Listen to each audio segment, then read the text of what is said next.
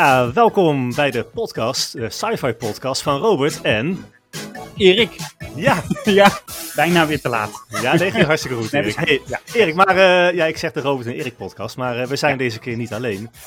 Het is, eh, Nee. het is zo waar gelukt om een gast in onze uitzending of een podcast te krijgen. Ja. En ja, die, die is er ook, luister maar. Ja, goedemorgen, middag, avond, nacht, bright suns and rising moons, zoals ik eh, eigenlijk altijd begin. Ja, Kijk. nou, misschien, misschien, eh, misschien herken je de stem wel dan. Maar eh, ja, we hebben Bas eh, in de uitzending. Bas van de Star Wars podcast Nederland. En eh, we gaan vandaag eens even heel goed eh, met elkaar babbelen over eh, Star Wars, Star Trek. En eh, daar willen we een beetje focussen op die verschillen. Bas, Ja, Star, Star Wars, Star Trek. Eh, ik denk dat het een beetje een eeuwiglopende discussie is die we eigenlijk al voeren sinds, eh, ja, sinds we drie, vier, vijf jaar oud waren, denk ik. Ehm, zelf opgegroeid in een huis vol met eh, Star Trek fans. Mijn moeder was zo'n type die dus el- elke maand bij de videotheek de, de Next Generation videobanden ging kopen. Er stonden Oh, volgens mij twee afleveringen per videoband en dan twee banden per maand. Ja. Onze huistelefoon was de Enterprise, waarbij je in zijn schotel moest praten om de anderen te horen. Eh, natuurlijk eh, lid van The Flying Dutch, het fanmagazine. En iedereen was gek op Star Trek en ik koos voor Star Wars. Dus dat was, eh, was een leuke opvoeding. Wat dat Ja. Ja. Mag, ik dan, mag ik dan even beginnen met een vraag? Hè? Want de Flying Dutch, kreeg je dat magazine ook. Heb jij ooit iets gekookt van Quark's Bar? Nee, wel ronddoorreps uit Galaxy's Edge, dat wel. Maar niet uit Quark's Bar, nee. nee, Oké, nee. ja, want dat was een rubriek die wij schreven. Nou, toen was ik nog eh, eh, zeven, acht jaar oud. Ik denk niet dat ik bij het gastfornuis mocht komen toen. Dus, eh, Nee, nou, Ja. wij hadden het ook allemaal, eerlijkheidshalve, hebben wij ook helemaal nooit gekookt. Wij pakten het kookboek van de moeder van Robert en daar gingen wij dan in bladeren. En als er iets dan een beetje raar uitzag, dan deden we ook nog wat ingrediënten door elkaar husselen. En dan, eh, dan- dat plaatsten we dan. En dat vervolgens kregen we dan brieven van mensen die zeiden, ja, ik heb het gemaakt en eh, het was heerlijk. Dus als je ooit een hele vieze wortelsoep hebt gegeten, dan zou het zomaar Ja. kunnen dat dat toch van ons kwam dan. Dan weet ik niet wie je de schuld moet geven, maar eh, het was in ieder geval, eh, zo ging dat. Ja, Ja, nou ja, ja de goede oude tijd. Ja. Ja, dat is wel lang geleden inderdaad, ja. hey, maar superleuk eh dat je er bent. Ehm, ja, we hebben gewoon een aantal vragen, een aantal onderwerpen, maar ehm, ja, misschien even eerst inderdaad, we hebben jouw achtergrond gehoord. Wij, ja, Erik zei het al, wij hebben ook een beetje een, vooral een Star Trek achtergrond, maar wij zijn er, we zijn natuurlijk wel, onze horizon hebben we natuurlijk wel verbreed daarna. Ja. Net als jij, alleen eh, ja, Star Trek is, is wel toch een beetje onze, ja, onze rode lijn zou je kunnen zeggen. De Prime Directive. Ja, precies, ja. ja. Nou, wij hadden, we hadden vroeger een clubje. Hè? Je hebt op een gegeven moment ben je dan een jaar, of hoe oud waren we? 12, 13? Denk Heel jong, Robert. Ja, misschien nog. Nee, ja, goed. Ja. We hadden een clubje, dat was een Star Trek verzamelarchief. Dat was een kamertje in een geheime zolder bij Eriks huis. En daar, eh, daar eh, hadden we ons hoofdkantoor. En daar, ja, daar legden we eigenlijk een archief aan, van alles wat met Star Trek te maken had. Dat ging toen nog met pen en papier en zo. En dat, eh, dat was alles Maar opschrijven. het, het, het is wel zo, hè? toen was het inderdaad ehm, een beetje. Je was of Star Trek fan of Star Wars fan. Je kon dat niet allebei zijn. Ehm, ik heb wel het idee dat eh, voor de moderne fans, hè, dat dat op zich niet meer zo. ehm, hoe noem je dat? Ja, niet meer zo'n strenge regel is, zou ik maar even zeggen. Eigenlijk was het een beetje. Wij waren als Star Trek fan ook. Als je Star Wars keek, deed het eigenlijk een beetje stiekem.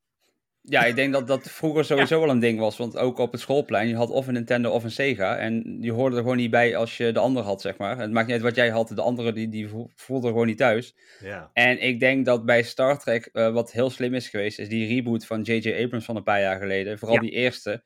Ehm, ik blijf het mooi vinden dat hij eh, eh, tijdens het proces van dat heeft gezegd van, nou ja, ik, ik wilde er een betere film van maken, dus ik heb er een vleugje Star Wars erin gegooid. Ik heb van Kirk een beetje een Han Solo gemaakt. En ik denk dat die Star Trek film heel goed eh, beide doelgroepen aan kan spreken. Want het heeft en het belangrijke van Star, eh, van Star Trek, maar het heeft ook dat vleugje avontuur van Star Wars doorheen zitten. Ja. En ik denk dat daar gewoon heel veel nieuwe fans mee zijn geweest. Eigenlijk wat, wat The Force Awakens voor Star Wars heeft gedaan, heeft die film denk ik voor Star Trek gedaan. Ja, en, en, en die kwam ook op een moment dat, dat eigenlijk Star Trek nou, bijna op leven na dood was. Hè? Dat was een paar jaar na eh, dat Enterprise eh, eind, geëindigd was. Gecanceld. Ja. Gecanceld, ja. Eh, natuurlijk een aantal films, wel met die Next Generation crew dan wel. Eh, maar verder, er was niks meer. Er waren geen series in het verschiet. Er was eigenlijk, nee, er was niks. Nou, ik, ik heb me een heel klein beetje, ehm, hè, want Robertje weet, ik ben, ik ben van de feiten. Hè? Dus Ja. eh, dat is wel zo dat ik ze dan volgende uitzending weer kan rectificeren voor waar ik de mist in ging. Ja, ergens de mist. Maar ehm, ik heb even uitgehoord, we hebben op dit moment op de teller staan 13 Star Trek films en 12 Star Wars films. Ehm, en daar moeten we toch wel uh, absoluut onze meerdere erkennen, want uh, Star Wars heeft wel dik gewonnen op elk front. Dus um, die twaalf films duren langer dan die dertien films van Star Trek samen. Ze hebben veel meer geld opgebracht. Echt heel veel meer geld opgebracht. Hè? Want Star Trek gezamenlijk 22, nee sorry, 2 miljard, 2,2 miljard uh, dollar. Maar Star Wars is 10,4 miljard dollar. Ja, die deed dat met één film zowat. Ja, dat, ja nou, zeker de recenter inderdaad. Ja. maar, maar, ik, ja, als ik dan terug ga lezen naar de geschiedenis, dan denk ik wel dat we elkaars... Um, uh, dat Star Trek veel aan Star Wars heeft te danken en Star Wars veel aan Star Trek heeft te, te danken. Hè? Want ik denk niet dat Star Wars had bestaan zonder Star Trek. Het, het enige rancune die je nog een beetje terugleest in 1977 is van, goh, waarom heet het Star Wars? Waarom lijkt die naam zo op Star Trek? Ik weet niet of daar nou echt een, ja, een idee achter zit, maar het, uh, dat, dat was een dingetje. Maar zonder Star Wars waren er nooit Star Trek films gekomen, denk ik. Ja. Het, het zijn ook, uh, ik bedoel, ILM zit natuurlijk achter beide zelfs. De, de special effects van de film zijn uiteindelijk gedaan uh, door de mensen die voor Star Wars uh, zijn begonnen eigenlijk. En ja. inderdaad, door het succes van Star Wars zijn ze overstag gegaan met de eerste Star Trek films. Van, hé, hey, wat hun kunnen, dat kunnen wij ook. We hebben ook zo'n franchise liggen ergens nog. Ja, ja. Maar, maar die, die opbrengst, dat verschil in opbrengst illustreert denk ik ook wel toch een beetje het verschil in populariteit, lijkt mij. Doe, laten we eerlijk zijn, het is volgens mij, en dat is mijn eigen invulling, hè, het is toch wat minder stoer om, om, om toe te geven dat je, dat je Star Trek fan bent of een trekkie bent dan dat je Star Wars uh, uh, kijkt of fan bent. Of Star Trek nerderiger over. Ik, ja, ik denk ik, dat ja. dat het wel is, ja. Ik denk dat, dat Star Trek, dat, dat heeft nog steeds een beetje dat, dat nerdy imago. Terwijl het heel ja. erg zijn best doet om dat nu uh, van zich af te schudden. Als je kijkt naar uh, series als Strange New Worlds en zo. Ja. Probeert toch wat meer de popculture in te, in te duiken. Discovery ik, natuurlijk, ja. Ja, maar ik denk wel inderdaad dat dat nerdy gehalte, dat, dat blijft het houden. Um, en ook in andere media, als je bijvoorbeeld een Big Bang Theory kijkt of een Family Guy of wat dan ook, als Star Trek uh, uh, aan de orde komt, is het altijd extra nerdy. Terwijl Star Wars uh, heel erg de popculture is ingegaan. En vooral natuurlijk sinds de overname door Disney. Um, je kunt geen winkel meer binnenlopen zonder Grogu tegen te komen, volgens mij. Ja. geen kledingwinkel waar je geen Mandalorian shirts meer ziet. Dus dat zit veel meer in, in de tijdsgeest nu van mensen. Um, en ik denk ja. echt dat dat de, de, kracht van Disney is geweest. Want Star Wars was natuurlijk ook uh, op sterven na dood uh, voordat uh, Disney een hele grote zak geld trok. Ja, hoe, ja. hoe, hoe zie jij, en Disney heeft dan Star Wars gered, denk ik, kunnen we zeggen. Mm -hmm. um, maar hoe zie jij de invloed van Disney op Star Wars? En ik vraag dat een beetje aan, aan de aanleiding van onze laatste podcast. Toen kwamen we met het gloednieuwe heet van de pers nieuws, wat vanaf november vorig jaar bekend is. Um, dat Doctor Who naar, um, naar, naar Disney zal komen. Dat dat ook een, een Disney saus gaat krijgen. En dan zijn Doctor Who fans op dit moment bang voor wat ze noemen verdisnificering. Mm -hmm. um, mooi woord, maar ik, uh, ik, ik begrijp dat het een beetje bedoeld is van ja, dat Disney uh, wat te veel invloed op de creatieve kant van, van, uh, van, de, van het universum legt, zeg maar. Is, zie jij dat terug bij, bij Star Wars? nou, ik weet dat ze bij Doctor Who hebben aangegeven dat de BBC volledig in controle krijgt, maar dat Disney gewoon de uitzendrechten heeft buiten de landen waar de BBC is. Dus ze hebben gewoon een, een zak geld gegeven ja, okay. dat ze extra creatief konden zijn. Maar Disney bemoeit zich verder niet met de opnames of wat dan ook. Het is gewoon puur, ze hebben de rechten nu. Um, kijk, wat Disney heel slim doet, is, uh, ze doen dat ook bij Marvel. Als je naar een Marvel film gaat of naar een Star Wars film, je krijgt van tevoren niet dat kasteel te zien. En er staat niet een Walt Disney production. een Marvel begint met Marvel Studios logo. En een Star Wars film begint met een Lucasfilm logo. Dus het blijven wel echt eilandjes binnen in Disney. Ze werken natuurlijk allemaal samen, ze communiceren samen. En dat is ook logisch, want um, bij, bij Disney is er natuurlijk meer dan een film. Want er moet een pretpark bij komen, er moet marketing achter zitten voor videogames, voor boeken, uh, weet ik het allemaal. En vooral die pretparken natuurlijk, want die brengen, ja, die, die brengen die karakters natuurlijk nog meer naar de mensen dan een serie dat doet.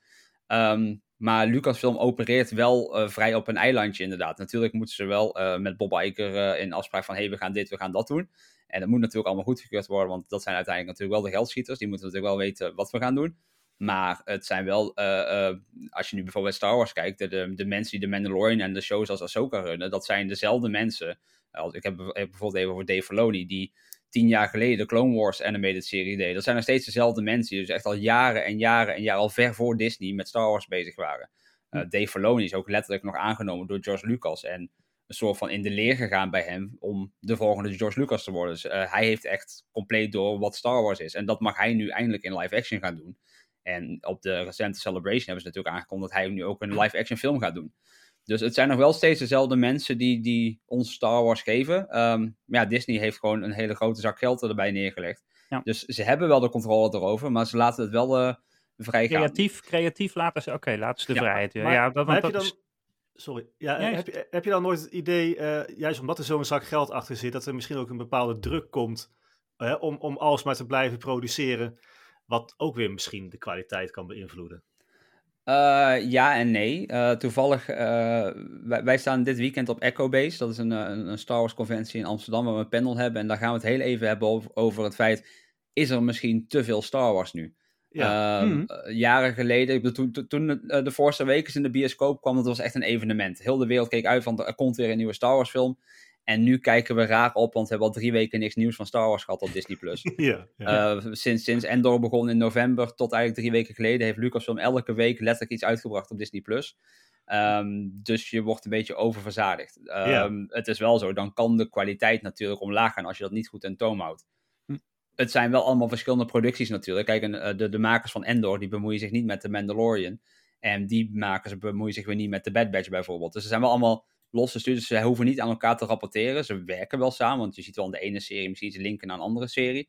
Ehm, ik zit nog niet op het, op het eh, idee dat de kwaliteit omlaag aan het gaan is. Ik, ik zal wel zeggen, de ene serie is kwalitatief beter dan de andere. Ehm, ik denk dat, dat een serie als Endor eh, eh, echt een, een hele grote sprong voorwaarts heeft gemaakt met wat Star Wars kan zijn in deze, deze dag. Ja. Vooral omdat dat een hele erge niet-Disney Star Wars serie is. Tenminste, die zou ik tien jaar geleden zou ik niet hebben verwacht dat Disney zo'n serie zou maken. Ehm, maar de Mandalorian is bijvoorbeeld wel weer echt op een top Disney Star Wars. Dat dan weer wel. Maar kwalitatief neemt het niet af, vind ik. Maar waar is dat verschil voor jou dan in tussen, tussen bijvoorbeeld Endor en, en de Mandalorian? En nou, ik denk dat wat, wat Disney heel goed door eh, heeft, is uh, Star Wars is altijd een gezinsding geweest. Uh, het was, George Lucas heeft Star Wars bedacht als een film voor kleine kinderen, maar waar volwassenen ook van konden genieten. Um, en dat is het nog steeds. Alleen bij de ene, bijvoorbeeld de Mandalorian, wordt meer ingezet op die kinderlijke dingen die in ons zitten. Dus de, uh, het herkennen van dingen uit van vroeger. Uh, ik bedoel, we gaan naar Tatooine, dat kennen we uit de eerste film. We zien Boba Fett, dat kennen we van vroeger. Het is heel erg dat nostalgie ja. wat in ons zit. Terwijl nieuwe fans uh, met de Mandalorian makkelijk hun eerste stap in Star Wars kunnen maken natuurlijk. Terwijl Endor is wat meer gegrond, ehm, is wat harder, maar heeft ja. ook eigenlijk al zijn linkjes met Star Wars verbroken die we eigenlijk verwachten in een Star Wars serie. Want de Force zit er niet in, er zitten geen lightsabers in, er zitten geen Jedi's in, er zitten geen bekende personages in, behalve Endor zelf natuurlijk. Ja. Um, maar daardoor hebben ze iets heel hards en iets heel volwassens neer Ja, kunnen zetten. ja. En aan de andere kant van de munt hebben ze natuurlijk een paar weken geleden ook die Young Jedi Adventures weer gelanceerd. Wat echt voor kinderen van drie tot vier jaar oud is. Dus wat Disney heel goed doet is, het maakt niet uit hoe oud je bent, er is een Star Wars voor jou. Ja. Ja. Ja. en dat is natuurlijk wat, wat bij Star Trek ook wel geprobeerd wordt. Natuurlijk met, uh, met, met de serie, uh, die, die animated serie. De Um, Prodigy. Lower Decks. Prodigy. Lower Decks, ja, Lower. Decks. Ja, Lower Decks voor, echt voor volwassenen, dat vind ik hoor. Ja, Ja, oh, Ja. jij bedoelt Prodigy. Ja, Prodigy. Prodigy bedoel ik, ja. Ja, nee, ik, ja, ik- ja. ja. Nou, ik heb geen idee of dat nou succesvol is eigenlijk hoor, of, of Hmm. aanstaat. Er komt een nieuw seizoen, dus ik denk het wel. ja. Ja, Ja, en, en, en ik, maar de Mandalorian is dus eigenlijk wat Star Trek Picard voor ons is. Hè? Als ik het even ja, eh, eh, zij versus wij doen. Maar Star Ja. Trek Picard is natuurlijk ook heel erg op die nostalgie ingespeeld. Maar wel met de, de, de topline special effects om te proberen ook nieuwe fans aan te spreken. Ja. ja, ik zou er eerder ook aan, aan, aan Strange New Worlds denken dan hoor. Daarbij. Mm, Ja, maar daar zit minder. Ja, zo. Ja, maar daar zit niet dat. Kijk, met nostalgie bedoel ik inderdaad. Dus die, oude, die mensen Ja, die- die wij 30 jaar geleden op tv zagen, gewoon nu weer terughalen. ja, Dat zo. is- Ja, ja, ja, ja. en- En Prodigy doet dat dan met Janeway, maar verder ehm, hopen ze daar natuurlijk ook een beetje de familie mee om de buis te kluisteren, inderdaad. Maar het is, het is wel zo dat, ehm, ehm, wat, ja, ik, ik vind bijvoorbeeld zo'n Endor, ehm, hè, tien afleveringen waren dat, hè, seizoen Ja. 1. En dan, dan heb ik wel zoiets van, ja, dan heb ik dat nu gekeken. Ehm, ik snap dat zij misschien eerst ook even kijken van, ehm, eh, wordt dat wel een succes? Wanneer kondigen we het tweede seizoen aan? Maar ja, dan moet dat worden opgenomen, worden eh, nabewerkt. En eh, ja, dan zijn we dus twee of drie jaar verder. Dat, dat, dat is wel het nadeel van deze tijd, vind ik. Dat die series heel erg, hè, wat dat episode ehm, van, van Star Trek, wat we vroeger hadden in de jaren 80, 90, dat, dat je gewoon hop eh, 20, 30 afleveringen in een seizoen had. Ja. En ehm, ja, het werd ook een beetje quick and dirty opgenomen dan misschien. Maar dat, dat mis ik, of dat mis ik, maar dat, da- da- daar gaan ze wel, ehm, eh, dat geldt misschien ook voor Star Trek hoor. Dat, eh, dat ze dan tien afleveringen een seizoen gooien en daar zit je dan een jaar of meer op te wachten. En dat is gaat zo een beetje af, ver soms, Ja. vind ik. Maar dat is een beetje natuurlijk de, de kwaliteit tegenover de kwantiteit. Want, want er, zijn, er zijn zat Star Trek afleveringen die, die niet om aan te zien zijn natuurlijk. En Ja. ik denk dat het kostenplaatje ook heel erg speelt, want deze afleveringen Ja. zijn natuurlijk een godsvermogen eh, per stuk om te het maken zijn tegenwoordig. films, het zijn kleine Ik bedoel, films. als je die, die laatste afleveringen van Picard ziet, eh, hoeveel actie daar eigenlijk in de ruimte zit met die duizenden schepen, Ja, dat zou je nooit in de Next Generation hebben gezien eh 30 jaar geleden. Dat was gewoon niet te betalen in die tijd. nee, nee. Ik kan me herinneren bij Voyager was op een gegeven moment aflevering dat, eh, dat die Borg aanviel, ook een, aan het einde van het seizoen. En er zaten voor z- dan hè, zoveel special effects in dat ik echt nog, nog een kwartier heb lopen nagapen naar het beeldscherm. Van, en elke keer terugspoelen en opnieuw kijken. Dat was echt helemaal nieuw dat er zoveel in zat. Ja. Eh, maar ja, normaal inderdaad, inderdaad helemaal niet, nee. Nee, dat klopt Het, wel, het, ja. het, het is gewoon op zich, eh, ik, ik heb die discussie vaak ook in onze Star Wars podcast van, het, het is eigenlijk, we, zijn zo verwend met de series van tegenwoordig, want de, kijk naar Picard of kijk inderdaad naar een Endor, de, de, de, de special effects doen niet meer onder voor wat we eigenlijk in de bioscoop verwachten. Ja. En dat is echt, echt bijzonder, want eh, ehm, nou ja, eh, Amazon Prime, ik betaal 3 euro per maand Ja, hoe, hoe- is zoiets te financieren eh, als je er zoveel in een aflevering kan gooien? En, en het is daarom ook dat mensen heel snel, eh, ik weet nog bij de Mandalorian seizoen 2, op het einde kwam natuurlijk ineens Luke Skywalker naar voren. En dat was eigenlijk de eerste keer dat we een DH personage zagen in een serie. Ehm, dus niet met het budget van een film erachter, maar van een serie. Dus dat scheelt gewoon behoorlijk wat miljoenen natuurlijk. ja. En dat zag er gewoon minder oké uit dan wanneer we het in een film zien. En dat is logisch. Maar dan merk je wel meteen dat de backlash daarop zo groot is. En dat is gewoon puur omdat we zo verwend zijn en gewoon Hm. bijna vergeten van het is maar een serie. Het is geen film die 200 miljoen mag kosten. Zo'n aflevering kost 8 tot 10 miljoen. Dat is gewoon een fractie van wat de film eh, kan doen. ja. Plus acht afleveringen van een uur in een jaar ten opzichte van een film van twee uur waar ze drie jaar aan werken. Ja. Dus ook dat speelt natuurlijk enorm mee. Maar we worden zo verwend hierin dat ehm, we gaan natuurlijk nieuwe, nieuwe Star Wars films krijgen. Eh, die, die zijn op Celebration aangekondigd. Ja, Ja, ze moeten daar stuks, echt hè? Of drie niet? stuks komen Ja. eraan inderdaad. Daar moeten ze echt wel even de overtreffende trap eh, eh, neer gaan leggen. Want ja, we, de verwachtingen zijn hoger dan ooit nu. ja. Maar dat, Is, het, i- is het ook zo, want jij, jij zegt al, het zijn, het zijn natuurlijk een beetje losse projecten, hè, de series ehm, en ook de films. Het zijn eigenlijk drie verschillende productieteams, eh, denk ik, die daar, of ook, ook verschillende tijden natuurlijk. Ben, ehm, ben jij bang voor eh, dat, dat er ehm, te weinig naar elkaar gekeken wordt, dat verhalen op een gegeven moment niet meer kloppen? In de zin van, eh, bij, kijk, bij ja, Star Trek heb ik van oudsher toch altijd wel gezien als een serie waarbij echt letterlijk nog iemand nog even de encyclopedie erbij pakt van klopt dit wel? Zit IPS conduit 49 wel op dek 36? Dat soort, ja, dat is dan technobab, maar ik bedoel ook... ook Kijk dat we ook- nerdy vinden. ja, nou ja, dat, ja, gek is dat. Ja. Nee, maar ook, ook eh, of bepaalde mensen nog leven, of ze, in welke rang ze rondlopen, dat soort eh, Ja. verwijzingen naar elkaar. Kijk, we hebben klopt Ahsoka ook al in de? Mandalorian gezien, bijvoorbeeld. En ja, klopt het in de, ja, eh, ehm, is, er, is er niet een te groot risico dat daar dingen misgaan? Laat ik het zo maar even zeggen. Nou, ik, ik weet niet hoe ze het bij Star Trek doen, maar ik weet wel bij eh, Lucasfilm is de Lucasfilm Story Group. En eh, dat is gewoon een groepje mensen en hun baan is letterlijk alles wat met Star Wars te maken heeft, chronologisch achter elkaar plakken en zorgen dat elk feit klopt met, met wat er gebeurt. En daarbij gaan dingen wel eens anders, want we hadden laatst in Tales of the Jedi dat het verhaal van Ahsoka, wat daar gebeurde, anders gebeurde dan in het boek Ahsoka van een paar jaar geleden. Ehm, dus eh, je ziet daarin wel dat de, de echte dingen, de visuele de beelden, dus eh, series en films, gewoon leidend zijn ten opzichte van, van wat er in de boeken gebeurt. Ehm, maar dat gebeurt maar een enkele keer. Dus dat is niet dat dat elke keer gebeurt. Eh, we hebben natuurlijk, sinds Disney het heeft overgenomen, is er een nieuwe canon opgericht bij Star Wars. Dus eigenlijk al het oude eh, is Legends geworden. Dat, dat eh, Expanded Universe, wat ze twintig jaar hebben opgebouwd, dat is eigenlijk zo de prullenbak ingegooid. En ja, wil je het lezen, dan lees je het, maar het heeft niks meer met onze canon te maken. Hm. En ehm, kijk, een serie als The Mandalorian, die wordt dus gedaan door John Favreau en Dave Filoni. Daaruit is Boba Fett gekomen. Nou, die wordt dus ook door hun gedaan. Hun zijn de producers daarop. Binnenkort Ahsoka, die komt daar ook weer op bij. Die hoort ook in die eh, series. Die wordt ook weer door Dave Filoni gedaan. Skeleton Crew, daar hebben we ook een vinger in de pap. En eh, de film die als afsluiter gaat zijn hiervan, die is ook van Dave Filoni. Dus Dave Filoni Hm. heeft wel echt zijn eigen zandbak gecreëerd, waarin hij heel goed kan spelen. Ja. Ehm, en, en hij is gewoon eigenlijk de, het overziende, of het overziende, zo, de, degene die het hele project overziet en eh, zorgt dat de juiste popjes op de juiste plek eh, terechtkomen in het verhaal. En ja, dat doet hij eigenlijk al sinds de eerste aflevering van de Clone Wars. al, ja, dus dat, hij weet wel hoe die Star Wars moet leiden en ons naar een goed ding brengen. Gaat het ooit fout? Vast wel, want er is zoveel Star Wars en Nou ja, Dan kan je altijd nog wel wat J.J. Abrams heeft gedaan. Hè? Die heeft gewoon een, alternatieve tijdlijn bedacht. eh, Ja, dat is wel... En dan kan je ook helemaal losgaan. Maar ja, ik, daar vinden we ook wel wat van. Dus dat, eh, ja, Ja, dat- best- ik verwacht dat dat in Ahsoka ook gaat gebeuren. Want ze hint heel erg naar de World Between Worlds. Dat is iets uit Rebels. En dat was al een, het, was, het was net geen tijdreizen. Het was net niet andere dimensies. Maar het zat er allemaal een beetje tussen. Dus eh, ja. Ja, Hoe zou je daar eens... Ja? met, ja, soms is het ook een beetje met hoe, hoe los je een probleem op, hè? Of hoe, hoe verklaar je dingen. Ik, ik, ik, in de voorbespreking haalde ik bij Robert al even aan van, goh, ehm, ja, een beetje raar eigenlijk, hè? Dat Darth Maul, die wordt eh, door tweeën gehakt en, eh, en die overleeft dat. dat. Dat kan in die tijd. En, eh en Padme Amidala, die, ehm, ja, die, die overlijdt omdat ze een beetje verdrietig is. Dat Ja. is een beetje gechargeerd natuurlijk. Bij Star Trek gebeurt natuurlijk eigenlijk hetzelfde, hè? Want Picard gaat ook dood. Ehm, en vervolgens ehm, ja, kopiëren ze hem even naar een soort Android-achtig eh, eh, eh, lichaam. En, en, en dat is dan ook weer opgelost. Wat dan ook meteen mee ouder wordt. Dus dan hebben we dat ook meteen mee weer verklaard. Dus ja, het is natuurlijk altijd een beetje. Soms worden be- verhalen een beetje quick and dirty opgelost. Nou ja, dat hebben ze Maar- met de, met de Klingons gedaan natuurlijk. Hè? Dat, kijk, het uiterlijk van de. Ja. De, bij de original waren het gewoon normale, redelijk normale mensen. Een beetje, beetje gesmied.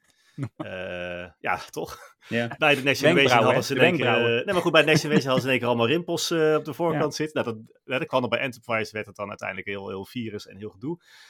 Maar uiteindelijk weer bij, de, bij, bij Discovery zien ze er weer anders uit. Praten ze ook weer anders.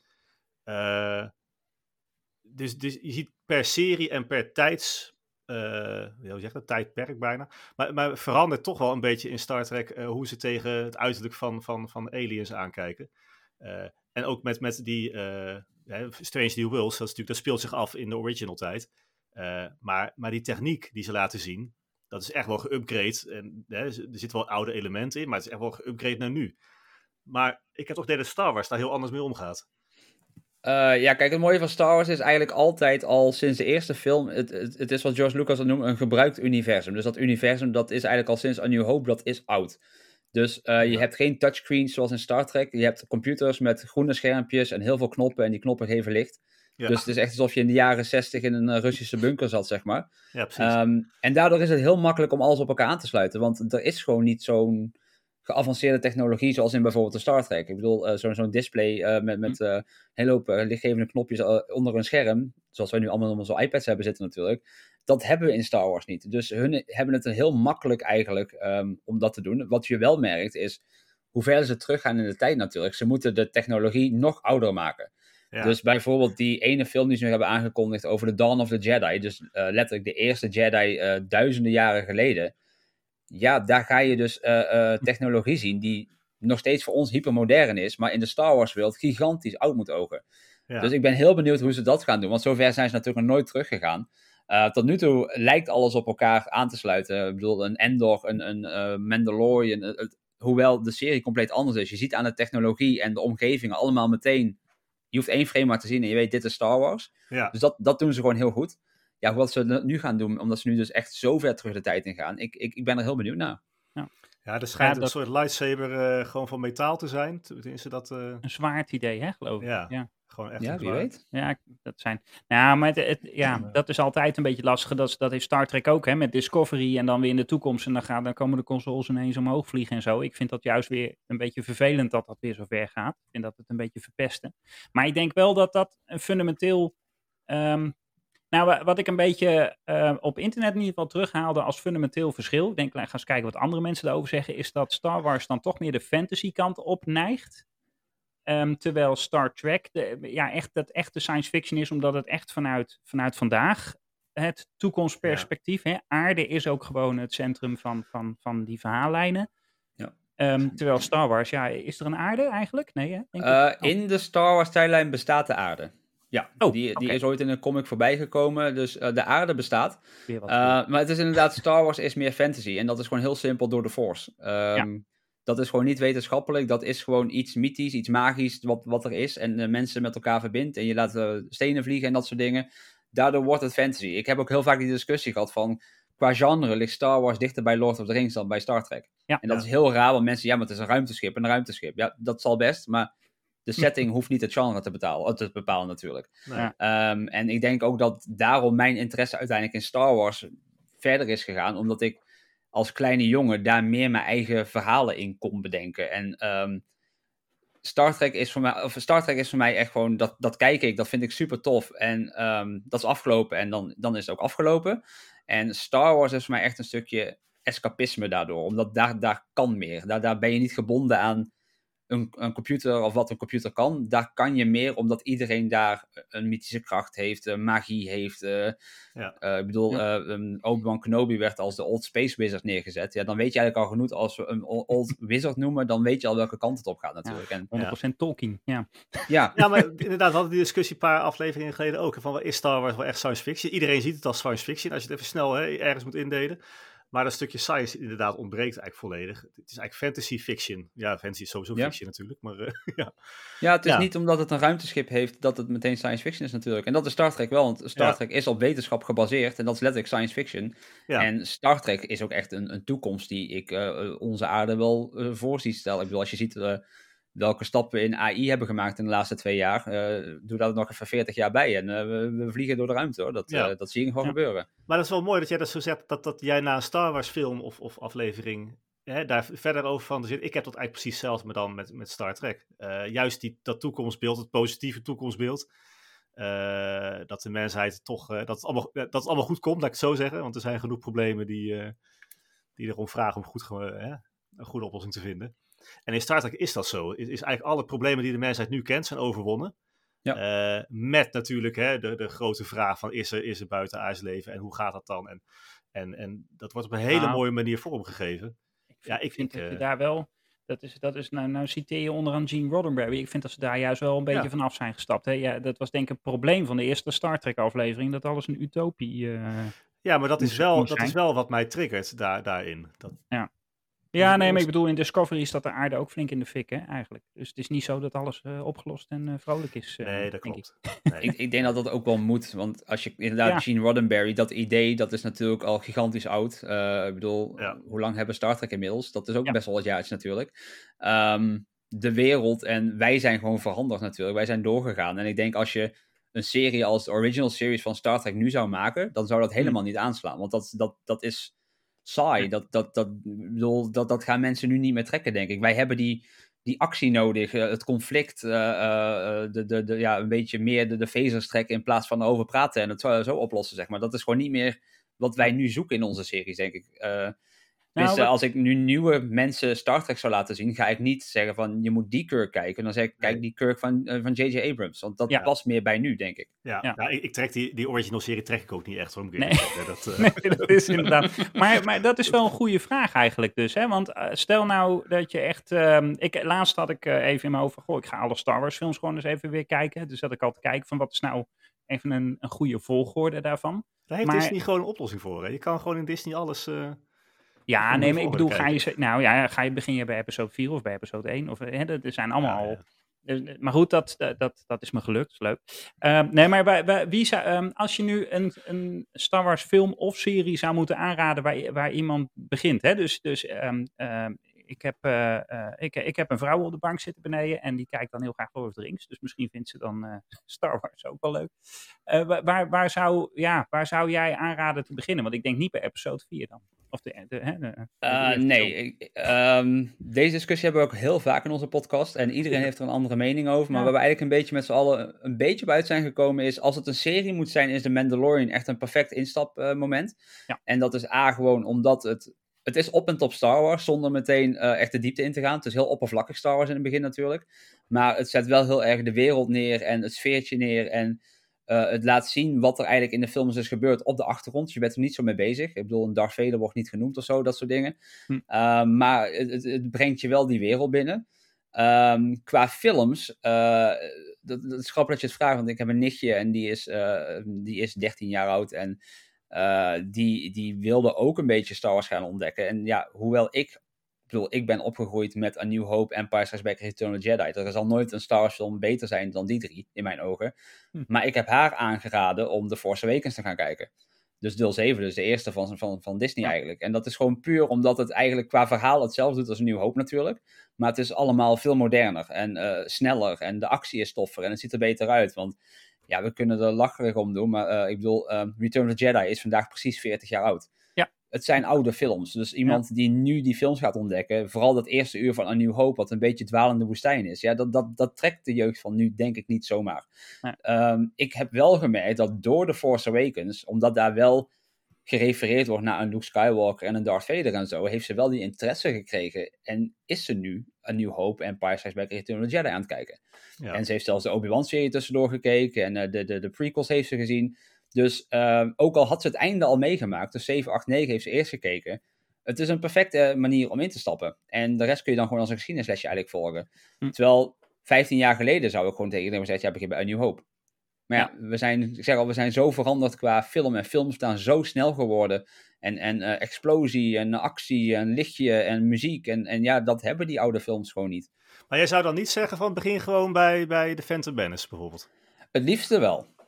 Ehm, maar ik ben, maar ook heel, oud, ik ben er ook heel erg van bewust dat The Phantom Menace niet de allerbeste film aller tijden is. Nou, dat, dat is grappig, want Robert Ja. vindt dat dus de beste. Ik vind, Hey. dat dus ook, ik vind dat een verschrikkelijk slechte film, heel eerlijk gezegd.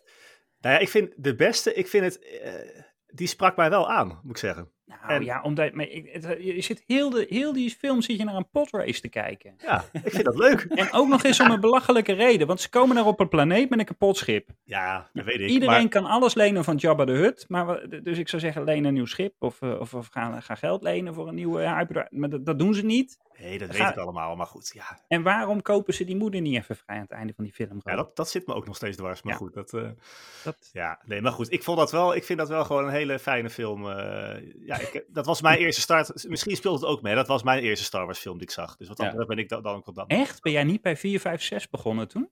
Heb jij dat nooit gezien? Jawel, stiekem dan. Niet daarvoor. Nee. Nou, dat vind ik gek, Robert. Maar ja, hoe oud was ik toen eh Phantom Menace uitkwam? Die kwam in... 99. Ja, zie je. Dat was in de hoogtijdagen van Star Trek Verzamelarchief, Erik. Dus eh, ja. ja, toen waren wij heel erg anti-Star Wars, maar we keken het wel, toch? Ja, ik tenminste wel ik het stiekem. wel ja, nou, ik weet wat grappig was. Mijn klasgenootje had toen, ehm, die had me gedownload. En eh, dat ging dus via een, eh, via een telefoonlijn nog toen, 56k. En die heeft, dus twee dagen, ja, die heeft echt twee dagen lang eh, ingebeld om die film te kunnen downloaden. En toen kwam de FBI langs. Nee, de, de kwaliteit was natuurlijk ook nog verschrikkelijk. Maar die hebben we toen op zijn zolderkamertje allemaal zitten kijken. Ja, dat was wel... Ja, dat is, Ja. weer- dat is weer nostalgie. Misschien dat dat ook wel meespeelt door die herinneringen dan. Maar ja, Ja. Ja, tuurlijk. Kijk, en ik, ik zeg, zeg niet dat ik de Phantom Menace echt een verschrikkelijke film vind, want dat, dat is het niet. Eh, het heeft echt wel prachtige momenten. Ik, ik vind de potrace heel tof. Ik vind sowieso Darth Maul is een heel tof personage. En eh, vooral de muziek, eh, Duel of the Fates, eh, ja, dat is misschien wel het een, een van de betere muziekstukken die Star Wars ooit voort heeft gebracht. Want dat is echt John Williams die gewoon even helemaal losgaat eh op dat moment. ja. Ehm, maar ik zeg al, ik besef me wel goed dat het gewoon niet de meest spannende Star Wars film is inderdaad. Want het is inderdaad, er gebeurt heel weinig in, in, in The Phantom Menace. Je, je merkt aan die film heel erg, het is een opzet naar Mhm. iets. En dat was Attack of the Clones eigenlijk nog steeds, want ik heb altijd het gevoel gehad, George Lucas wilde gewoon Revenge of the Sith maken. Hij wilde Anakin kinderen zien vermoorden en Darth Vader eh, maken. Alleen Ja. daar had hij een opzetje voor nodig. En, Ja. en dat merk je gewoon. Eh, dus Revenge of the Sith vind ik echt ongekend veel beter dan The Phantom Menace en Attack of the Clones. Ik kan ze goed kijken, maar ik, ik zal die nooit... eh, als ik zeg van, nou, ik heb nu zin in een Star Wars film, ga nooit die twee op. Nee, Hm. dan Nee. zal altijd Original Trilogy bij mij. En, Ja. eh, en, en welke, welke Star Trek serie zou je, of, of film zou je dan eh, adviseren zo? Ben ik ook even benieuwd naar. Eh, nou ja, sowieso die die J.J. Abrams reboot. Ehm, voor, voor, voor de jeugd van nu. Voor de mensen die wel een beetje opgegroeid zijn eh, met, met wat eh, ja, andere special effects. En eh, is mijn all-time favoriete Star Trek film nog steeds First Contact. Ja, oh, daar ben ik helemaal mee eens. Die, die, die film Ja. kan ik gewoon elke week een keer opzetten. Dat, dat, dat, de sfeer in die film, dat, dat lekker lugubere, duistere sfeertje, Ja. dat, dat was zo nieuw toen voor de Next Generation eigenlijk, op, op deze schaal. Het hele verhaal met Cochrane, met, met, eh, met zijn lightspeed, First Contact zelf, maar ja, gewoon de Borg. eh, Die Ja. film is in mijn ogen echt de perfecte Star Trek film. Ja, en die maakt ook eigenlijk alles goed wat, wat de film daarvoor natuurlijk eh, kapot Ja. heeft gemaakt met Generations. Dat, dat was Bij een- Star Trek gaat het altijd om en om, hè, met de Ja. films. Ja, ja, ja, Ja. dat klopt. Nee, maar goed. Ja, de 13. De, maar wij kijken uit naar één nieuwe Star Trek film dan, op dit moment. Dus wij, eh, wij gaan ook daar, eh, leggen we het af in, eh, tegen Star Wars. Maar Ja. eh, we hebben wel wat meer materiaal om te kijken. Hè? Want ik heb nog heel even nagekeken, maar wij hebben... Als je de, de, ja, de negen Star Trek series en de 13 films bij elkaar optelt, dan heb je ongeveer eh, 26 dagen 26,5 dag uh, kijkplezier. Dat, dat terwijl serieus Star Wars... Ik hoop dat je dit gegoogeld hebt, of niet? Dit heb ik gegoogeld. Ja, gelukkig. nee, dat heb ik niet getest. Ja. Nee. Maar Star Wars is het zeven en een halve dag. Dus dat is, eh, die hebben we nog wat. eh, maar goed, dat komt ook eh, ja, door die, eh, doordat we met, met name Star Trek natuurlijk eh, zeven seizoenen, weet ik niet hoeveel Ja. afleveringen per seizoen, meerdere series hebben gehad. Dus dat tikt aan. Ja. Dus ehm, alleen, ja, en iedereen zegt dat is dan de Star Trek is de oudste eh, science fiction serie. Maar dat, kijk, Star Trek is ouder dan Star Wars, dat staat vast, hè. Maar ehm, ja, ik vond het een beetje gek dat niemand dan Doctor Who erbij haalt. Want dat Ja, is toch die is echt een ouder. oudere serie. En nog veel meer kijkplezier, 29 dagen. Dus dat, kun je helemaal los. Maar dat is heel erg eh, om aan te zien. Hè? Dan zit je echt zwart-wit te kijken. Hè? Dus dat, Nou, eh, ik, ik, ik ben wel zo iemand, ik heb Doctor Who ontdekt op het moment dat David Tennant de dokter werd. Oh, ja. En dat heeft mij wel getriggerd toen om eens te kijken waar Doctor Who vandaan kwam. En dat heeft mij in een hele gekke bui gebracht, waardoor ik alles van aflevering 1 van vroeger tot nu heb gezien inmiddels. Eh, dat Zo. was af en toe echt meer werk dan plezier om daar doorheen te komen. Ja. Want eh, ja, het is- en zwart-wit en eh, kartonnen muurtjes die nog net niet omvallen als ze aan het acteren zijn. En acteerwerk wat niet altijd perfect is natuurlijk. Ehm, maar daardoor ben Ja. ik wel de nieuwe Who nog meer gaan waarderen. Want die doen steeds meer referenties naar het oude toe natuurlijk. Dus eh, Ja, dat wel. Het is Maar ik beetje, zou niemand aanraden. Ik, een- ik, nee, ik, nou, ik heb, daar heb ik me nooit toe. Ik heb wel alles gezien vanaf de reboot 2005, dus eh, Christopher Eccleston. Ja. Maar, eh, en dan nu tot en met, ehm, eh, ja, dan ben ik een naam even kwijt. Ik vind het wel verschrikkelijk. eh, ik, ja, ik- een dokter moet altijd een beetje op je groeien, is altijd mijn ervaring. Ik vond het verschrikkelijk toen Peter Capaldi het werd. En daarna dacht ik eigenlijk wel dat het de beste dokter was. En zo was dat ook met David Tennant en, eh en ja, Eccleston trouwens ook. Dus het, maar het, ehm eh, Jodie Whittaker, dat is, ik, Ja. ik was het even kwijt, die, eh, die, daar, dat is me niet gelukt om daaraan te wennen. En ja, ze is nu eh, dokter af. Maar ja, ja ik ben, wij zijn heel benieuwd naar hoe, hoe moet ik het goed zeggen? Kuchi, Nukuchi Gatwa. het gaat Ja, doen, maar de gelukkig eerst nog wat specials met David Tennant. Daar kijk ik echt Ja, enorm naar ja, uit. maar dat, ze- ja, maar goed, we moeten nou nog een half jaar wachten tot, tot, Ja. tot die ene aflevering. Dus ik ben benieuwd. Maar goed, dat, ja. dat komt er ook goed. Hey, Maar, wat dat maar- betreft is het science fiction, eh, eh, jij roept het ook wel zo, hè, Robert, de science, eh, hoe noem je dat, de gouden tijd van science fiction. eigenlijk. Ja, dat denk ik echt wel nu. Als je ziet, hoe, daar begonnen we ook een beetje mee net. Eh, je ziet wat er nu allemaal uitkomt, hoe verwend we worden nu. eh, ten opzichte van, eh, nou ja, 10, 20 jaar geleden. Ja. Eh, of nog langer. Ja, dat is echt wel... eh, ja, we hebben, we hebben toch, eh, tien jaar geleden hebben we het vaak gehad over jaren 90. Wat ook wel eigenlijk toen, hè, voor Star Trek in ieder geval, echt wel gouden tijden waren. Eh, voor Star Wars denk Ja. ik, eh, ja, einde, hè, kan het weer een beetje op. Ja. Ehm, maar dat is, nu, dat is nu echt nog tien keer meer, heb ik het idee. Dus dat is wel, eh, wel mooi, ja. Hey, zijn er Ja. nog, Bas, zijn er, zijn er nog dingen waar jij naar uitkijkt in de, de komende tijd? Op het gebied van Star Wars bedoel je dan? Of? Ja, of Star Trek, of, of science fiction in het algemeen? Eh, nou ja, kijk, op, op, ik, ik, ik ben de afgelopen maand dus op Celebration geweest. Dus dan, dan zit je natuurlijk enorm in de Star Wars bubbel. En ik zat in, het, eh, in de zaal op eh, het moment dat eh, Ahsoka werd aangekondigd met cast en crew op het podium. En Dave Ja. Filoni, John Favreau, dat soort dingen. Ik heb daar meet and greets gehad met Hayden Christensen en Ewan McGregor en, en al dat soort mensen. Dus ik zit heel erg in de Star Wars bubbel weer. Ehm, nou ja, we krijgen natuurlijk in augustus Ahsoka. Ehm Ahsoka is wel echt een van mijn favoriete Star Wars personages. Dus ik ben heel benieuwd naar wat die serie gaat doen. Ik denk dat hij ook eh, meer aandacht gaat krijgen nu, nu die acteur natuurlijk afgelopen week is overleden die in de serie speelt. Ja, Ray Stevenson. eh, Ja. Ehm, maar ja, ik kijk eigenlijk nog meer uit naar eh ehm, The Acolyte. Dat is een serie die we volgend jaar gaan krijgen natuurlijk. die zich afspeelt in de High Republic. Dus dat is op het moment dat er nog duizenden Jedi's waren en de Sith eigenlijk weer terug aan het komen zijn. Dus dat is iets wat we eigenlijk nog nooit hebben gezien. Maar op Star Wars gebied kijk ik gewoon het meest uit naar die drie films. Want ik blijf er wel bij. Ik wil Star Wars beleven op het grote doek. Dat, dat, eh, de Disney Plus is leuk en die series zijn leuk, maar het overtreft niet de bioscoopervaring. Want eh, je wil gewoon in de bioscoop zitten, complete stilte, die letters op het scherm en dat IMAX gewoon je even in je stoel blaast en van ja, ja, we hebben Star Wars weer. Het is weer een evenement. ja. Dus eh, dat, ja. En denk, denk je dat die, die nieuwe films die gaan komen hetzelfde gaan doen weer, hè? Qua, qua beleving, met rijen voor de, voor de bios en, en, en alles erop en eraan, als, als de laatste drie films? Ehm, dat is een hele lastige, want ik denk ook dat daar de tijden zijn veranderd. Want eh, kijk, in 1999, toen de Phantom Menace in de bioscoop kwam, dan had je gewoon nieuwsbericht van mensen die al drie weken van tevoren met het tentje voor de deur lagen. Ja, tegenwoordig kun je een maand van, je, van tevoren je tickets pre-orderen. Dus waarom zou ik voor de deur gaan liggen? Want ik open de Pathé-app, ik druk een keer op, ik wil hem zien en, en ik, ik ben er. Ik hoef daar maar 10 minuten van tevoren te zijn. Dus Uh, ik merk bijvoorbeeld ook, uh, ik, ik, werk in een Apple Store. Uh, vijf jaar geleden lagen mensen voor de deur voor een nieuwe iPhone. Dat is ook niet meer, want alles is online gereserveerd. Dus daarin zijn wij als mens gewoon een stapje verder gegaan, denk ik. Ja, is, is, dat, denk... ver, is dat verder gaan? Ik vind het eigenlijk wel jammer dan. Ja, ja, ja. ja. het had wel wat, maar ik, ja. Maar ik denk wel dat, dat, dat het wel een happening gaat worden. Um, ik ben een paar, jaar, een paar maanden geleden door Disney uitgenodigd voor een première van de eerste afleveringen van Endor, waardoor we die in de bioscoop mochten kijken. Nou, en dan dat op groot scherm zien met een groep fans, eigenlijk gewoon uh, lichtzwaarden de lucht in, uh, juichen, schreeuwen, dat soort dingen. Ja, ik denk, uh, Star Wars in de bioscoop is voor velen niet op een fijne manier afgesloten. Veel mensen vinden toch The Rise of Skywalker natuurlijk niet de beste film. Um, de belofte dat Dave Filoni nu een film gaat maken. En dan ook nog eens gelinkt aan het personage Tron, wat eigenlijk uit de boeken komt.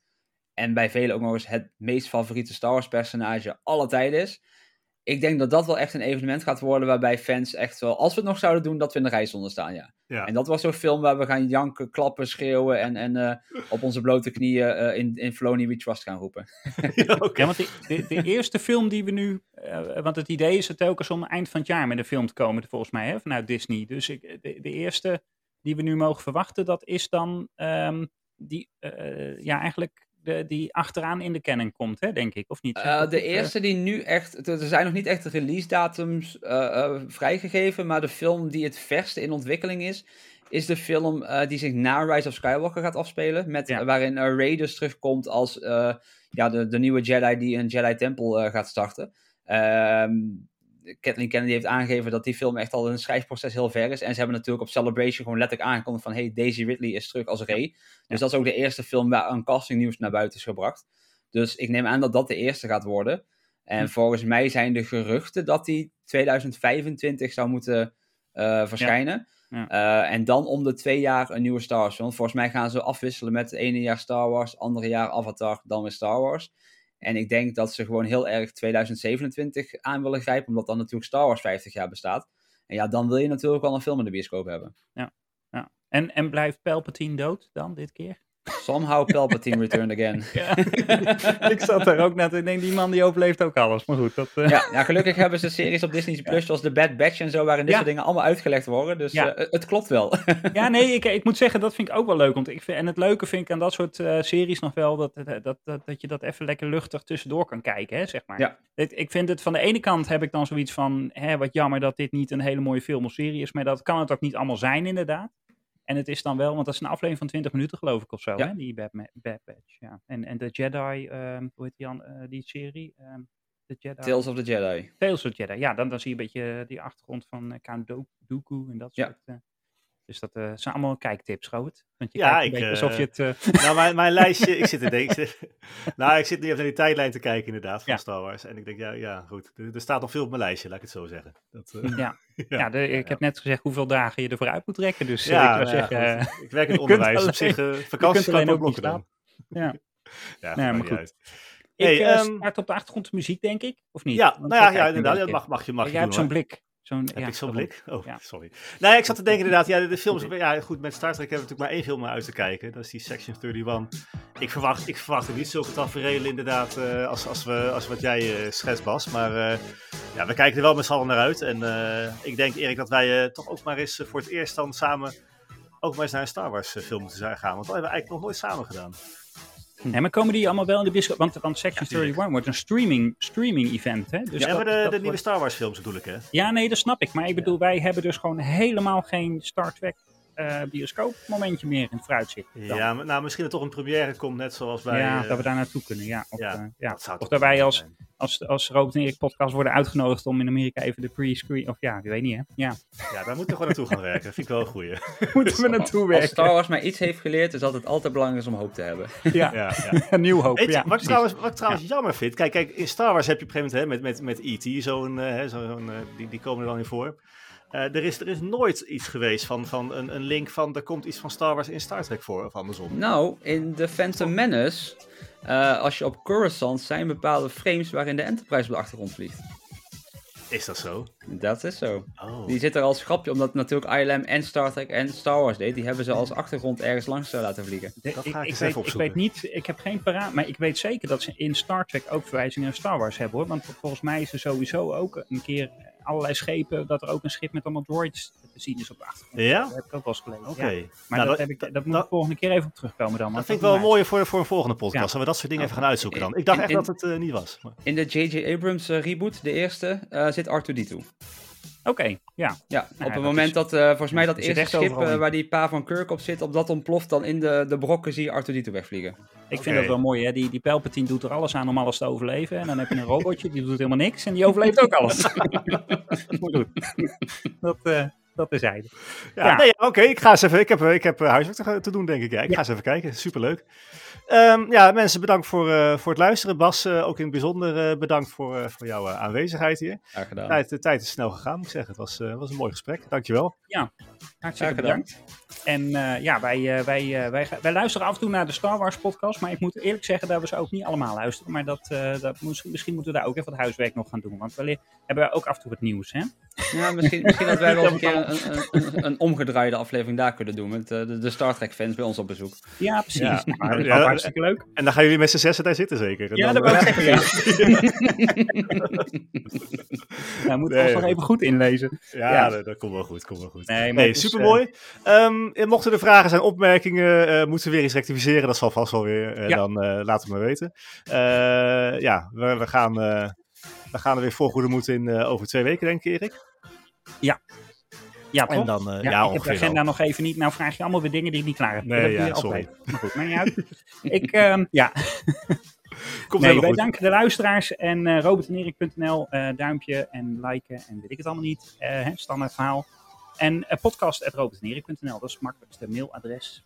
Ja, we eh, Erik met een K. huishoudelijke... Nee hoor, we zijn helemaal klaar. Oh, Erik met een K. Ja, en Ja. Robert met een R. Ja. Ja. Dus. Maar goed, tot de volgende keer. Bedankt. Tot ziens.